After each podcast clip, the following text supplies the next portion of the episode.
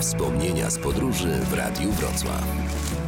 Zapraszają Magda Orzeł i Filip Marczyński. Zgodnie z obietnicą sprzed tygodnia razem z Martyną Gacek-Świecik wracamy dziś do Birmy. Do kraju, w którym 1 lutego władzę przejęła junta. Od tamtego czasu zginęło kilkaset osób. No niestety wszystko wygląda na to, że wracamy do czarnych dni birmańskich z lat 90. Junta jedyne co ma to siła tak naprawdę. Ludzie są zjednoczeni przeciwko nim. 99% kontra 1%. No, odbywają się naloty bombowe w stanie Karen i powoduje to masowe, no uchodźcy po prostu wychodzą z, ze swoich wiosek podpalanych do granicy z Tajlandią. Więc wygląda na to, że, że naprawdę będzie coraz trudniej wjechać do tego kraju, będzie on podlegał coraz większej izolacji. Ale nasza dzisiejsza bohaterka widziała Birmę zupełnie inną. Bezpieczną, kolorową, przyjazną, ale przy zachowaniu pewnych zasad. No na pewno trzeba przestrzegać, żeby przed domem osób, które nas zapraszają, czy też przed świątynią zdjąć buty. Buty są czymś bardzo nie na miejscu, trzeba zawsze chodzić na boso. Nawet była swego czasu słynna wojna z, z Brytyjczykami o to, że nie chcieli zdejmować swoich butów wchodząc do, do domów i świątyń buddyjskich. Pani Martyna chciała wrócić do Birmy w tym roku, przeszkodziły jednak COVID i przewrót więc pozostała tęsknota.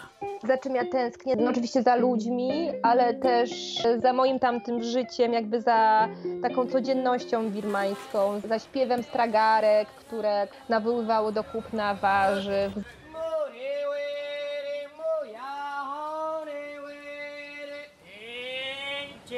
za nawet tym okropnym monsunem, którego tak bardzo nienawidziłam, bo potrafiło lać całymi tygodniami i po prostu być czarno w rangunie i, i trzeba było chodzić na bosaka, ponieważ ta, taksówka mówiła, że ona już nie jedzie, a, a, a cała ulica stała w wodzie, trzeba było się jakoś dostać z miejsca docelowego A do miejsca docelowego B.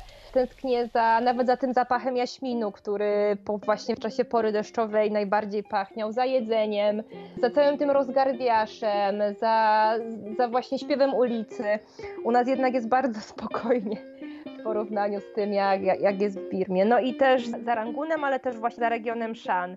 Tam jak się wjeżdżało z takiego tropikalnego Rangunu, to trochę się czuło jak w Kotlinie Kłodzkiej, ja stamtąd pochodzę i to było tak, się wjeżdżało w takie zielone góry i trochę to było takie pola ryżowe, co prawda trochę były inne niż w Kotlinie Kłodzkiej, ale były górki, pagórki, takie trochę hobitowo i, i zawsze bardzo ciepło wspominam tamte widoki. No i pozostaje mieć nadzieję, że sytuacja w Birmie na tyle się ustabilizuje, że będzie można ten kraj znów odwiedzać bezpiecznie. Przypominamy, że każdy może się podzielić swoimi wspomnieniami z podróży. Wystarczy napisać maila na adres wspomnienia małpa radiowrocław.pl.